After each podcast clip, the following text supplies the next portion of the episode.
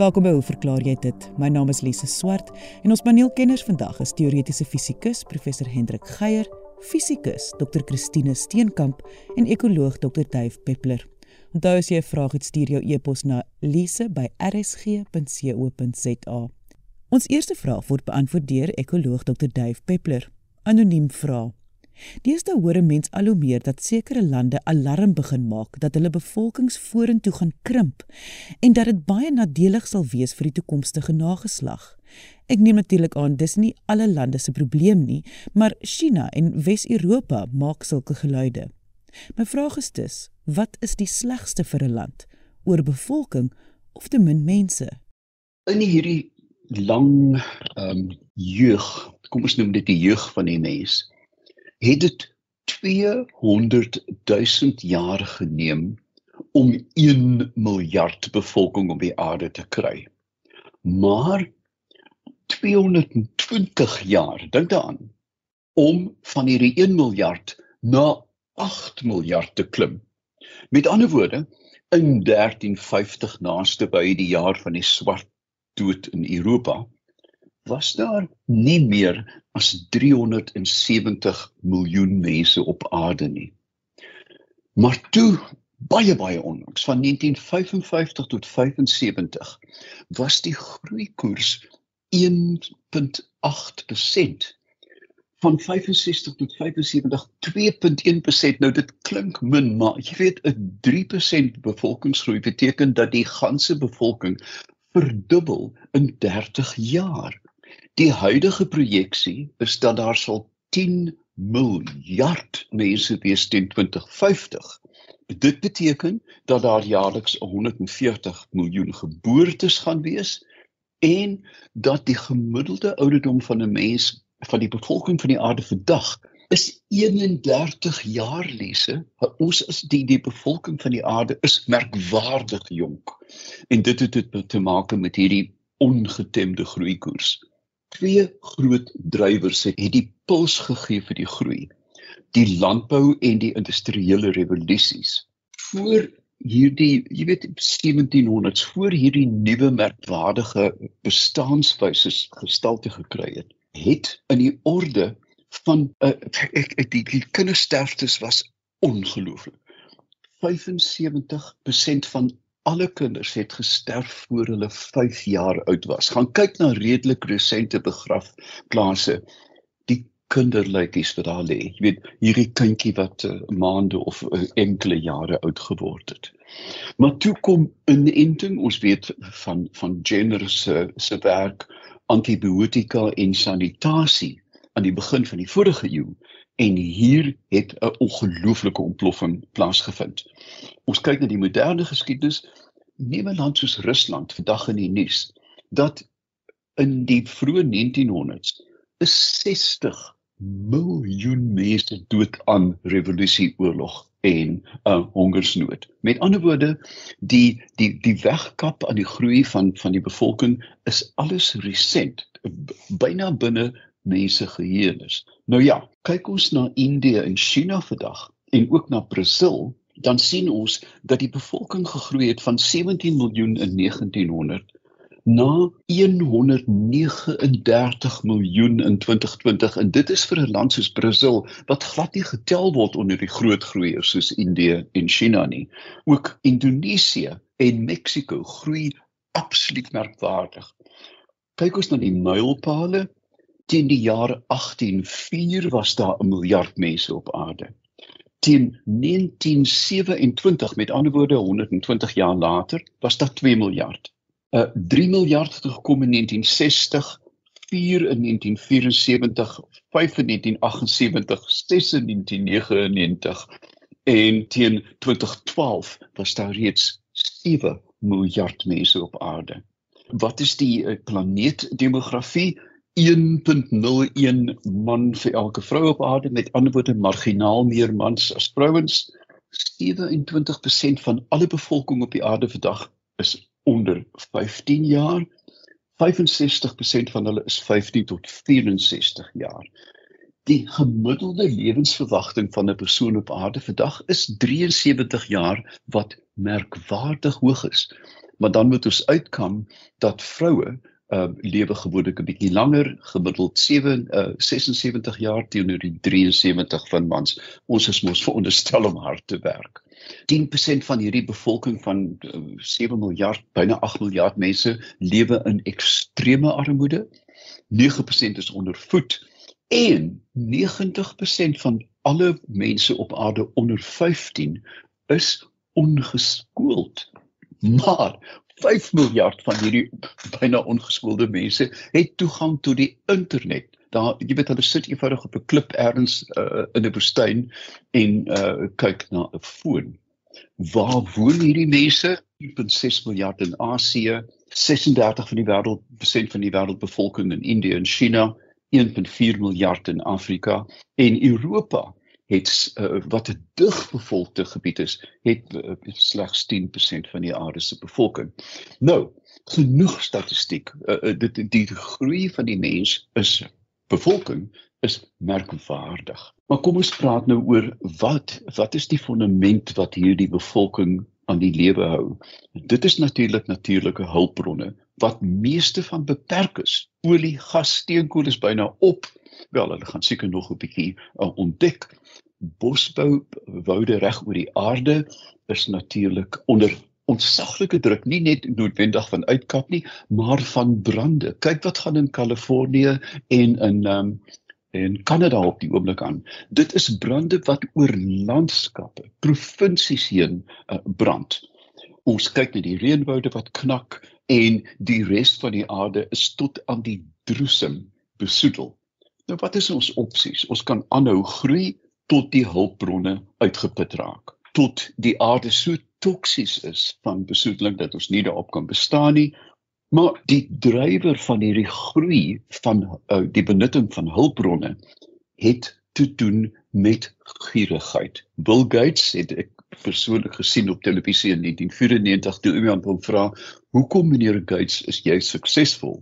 En hy het gesê dis baie maklik om te antwoord, ek is suksesvol omdat die die gierigheid van my teenstanders is beperk.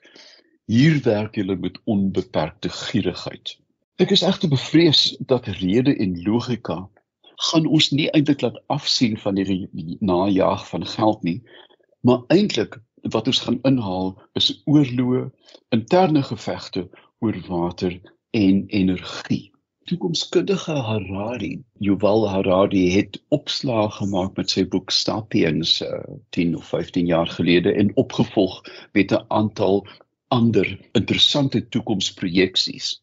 In een van hulle het hy gesê, en dink hieraan Lise, dat wat is jou plig teenoor jou kind? As die kind vir jou vra, pa of ma, hoe moet ek myself voorberei vir 'n toekoms op aarde?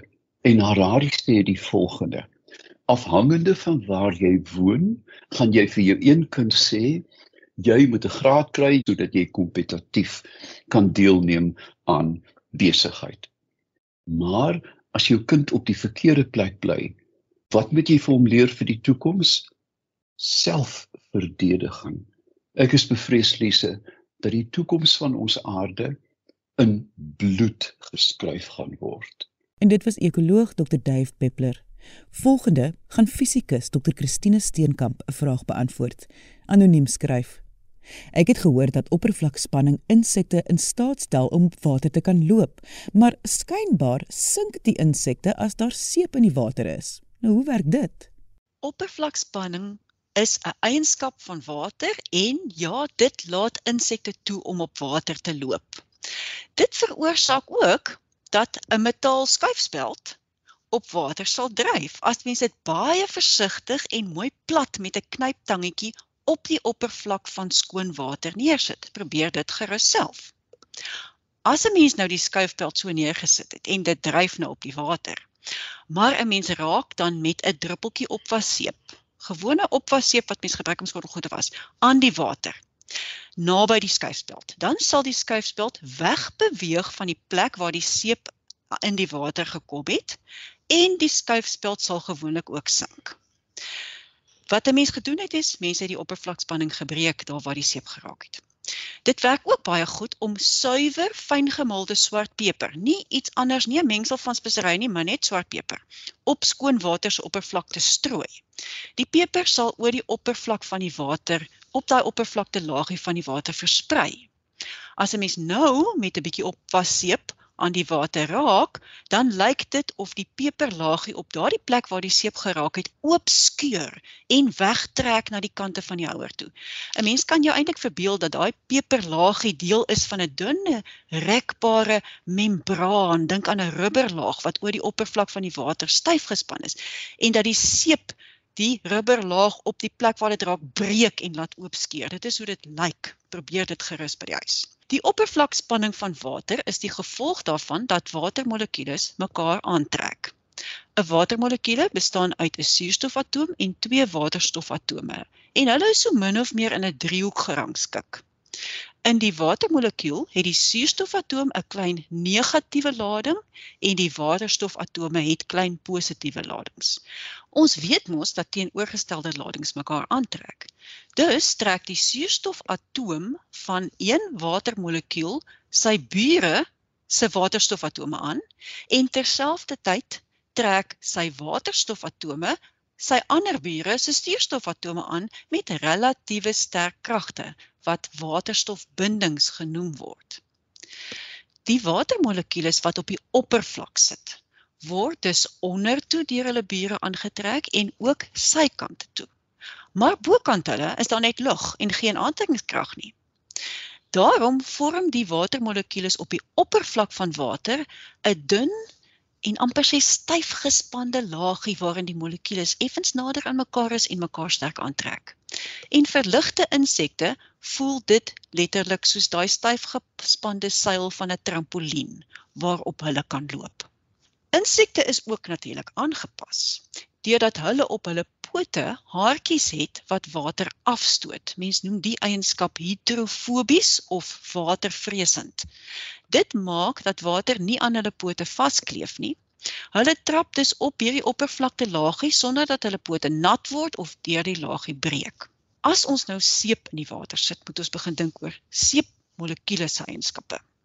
Seep se molekules bestaan uit 'n kop wat sterk deur water aangetrek word en dan 'n lang stert wat weer die eienskap van 'n vet of 'n olie het en nie deur water aangetrek word nie. Die kop is hidrofilies of waterliewend en die stert is hidrofobies of watervreesend.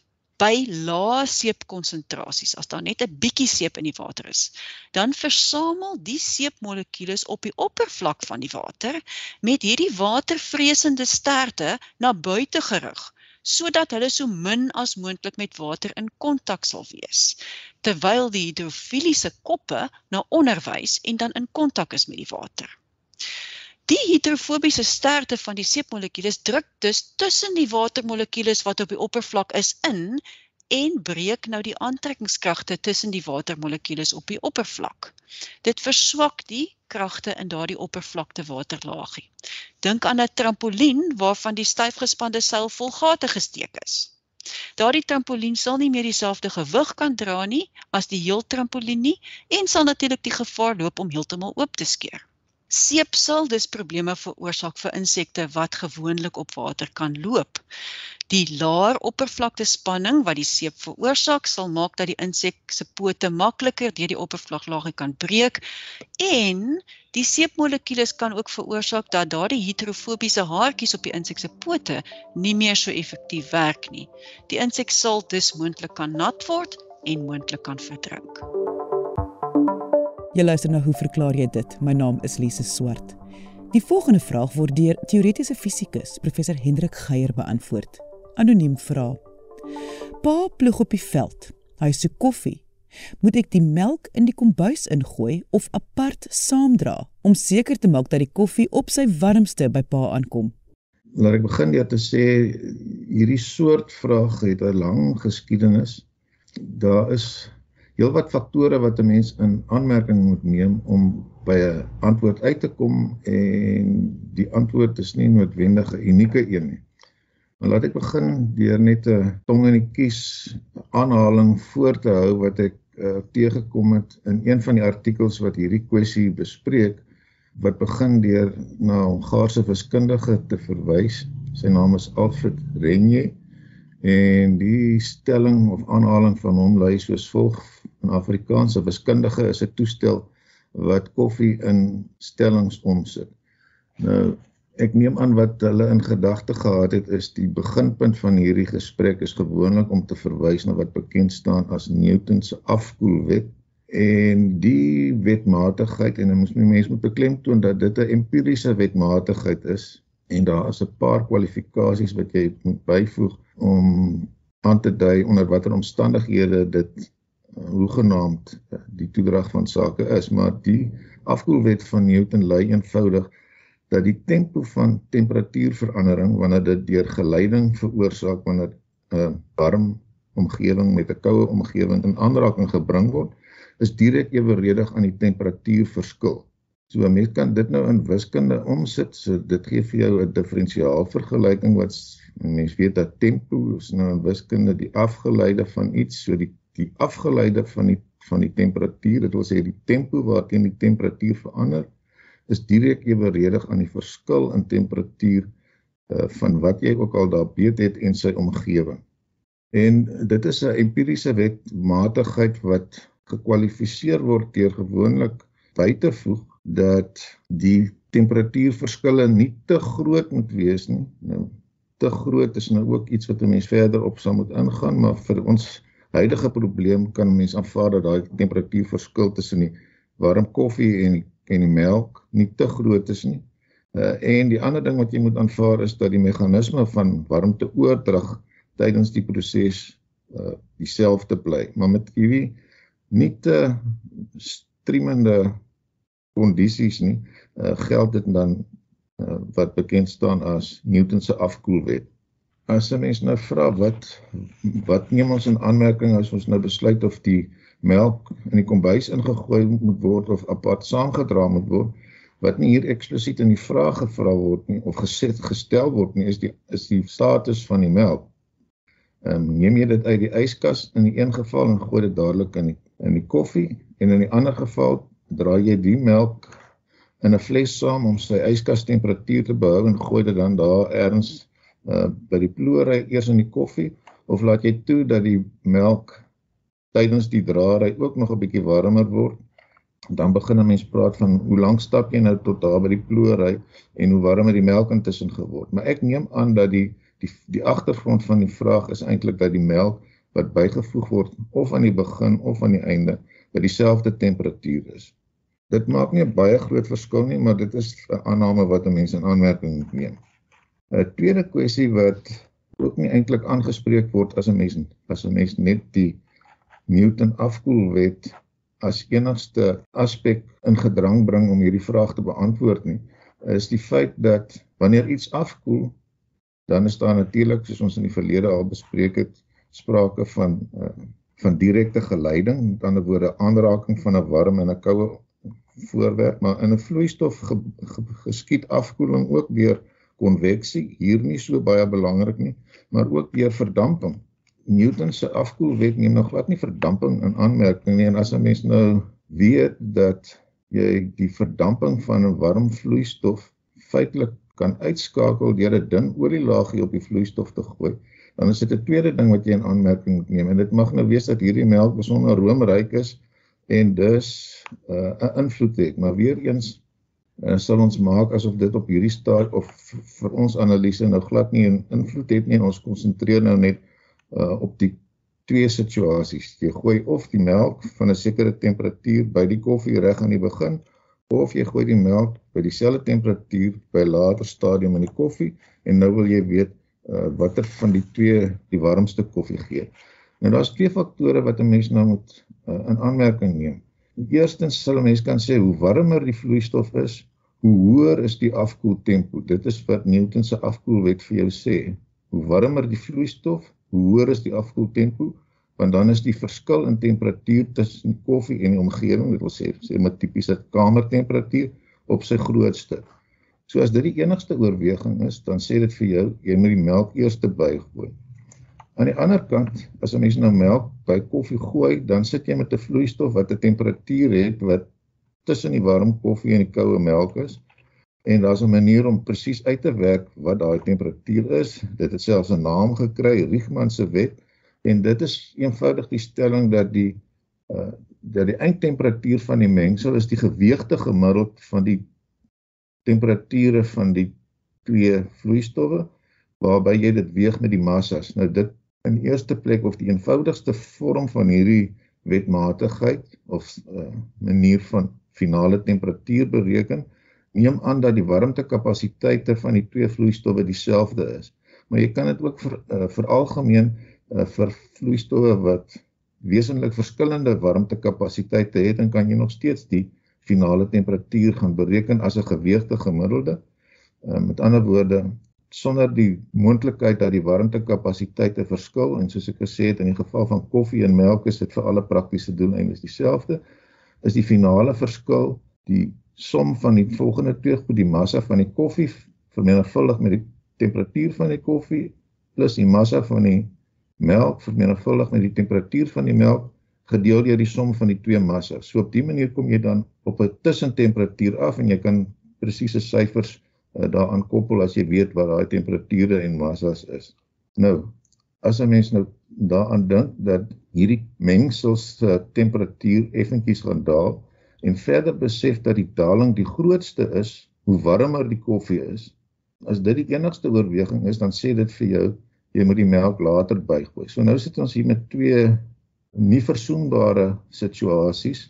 As ons na die twee goed net op elkeen op hulle eie kyk. Maar natuurlik moet 'n mens nou die twee goed gelyktydig hanteer.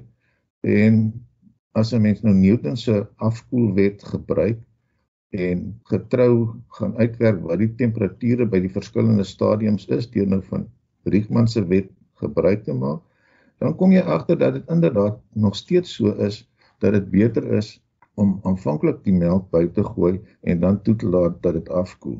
Ek kon 'n hele paar verwysings oor hierdie storie nagaan en een wat nou nogal redelik gesaghebend hieroor geskryf het is twee outeurs met die naam van Rees en Winnie 'n artikel met die naam van On Cooling Tea and Coffee wat al in 1988 in die American Journal of Physics gepubliseer is. En ek lees woordeliks wat hulle te sê gehad het daaroor. It is demonstrated that black coffee cools faster than white coffee under the same conditions. Under most, but not all circumstances, if coffee is required to be as hot as possible several minutes after its preparation, any milk or cream should be added immediately rather than just before drinking. So ek dink dit is 'n redelike finale woord wat 'n mens hieroor kan spreek behalwe nou moet 'n mens miskien tog daarom net sê hulle kwalifiseer ook hier onder feitelik almal maar nie alle omstandighede nie. Een van die omstandighede wat hulle analiseer is wanneer jy sê maar met kookmelk begin dan is dit inderdaad so dat dat die tyd wanneer jy daai kookmelk moet bygooi by die koffie om dit na 'n sekere tyd uh nog so warm as moontlik te laat bly. Uh hang nou van 'n hele klomp goed af. Hoeveel melk jy bygooi wat die spesifieke temperatuur van die melk is ensovoorts. Maar mense nou aanneem dat as jy koffie aandra na die ploer uit toe dan doen jy dit nie deur kookmelk of baie warm melk uh te gebruik nie. En 'n mens kan eintlik van hierdie alternatiewe situasie vergeet.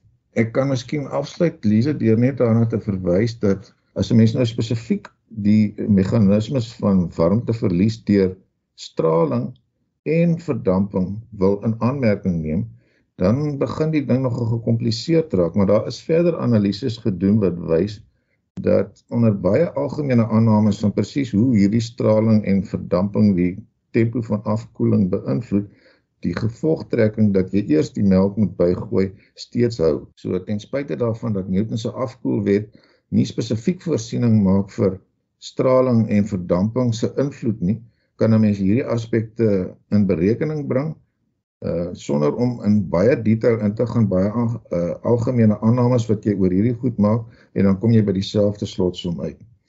So ek ek hoop ek weet nie uh, of hierdie vraag 'n hipotetiese of 'n praktiese vraag is nie, maar hoe dit ook al sê, ek hoop wie nou ook al die koffie aandra na die ploery, uh, weet nou hoe om dit die warmste daar te kry, gooi eers die melk by. En dit was teoretiese fisikus professor Hendrik Geier. Ek sê baie dankie aan ons kenners en vraagstellers vandag. Onthou om altyd nuuskierig te bly en vra te vra. Tot volgende week hier op RSG saam met my, Lise Swart. Totsiens.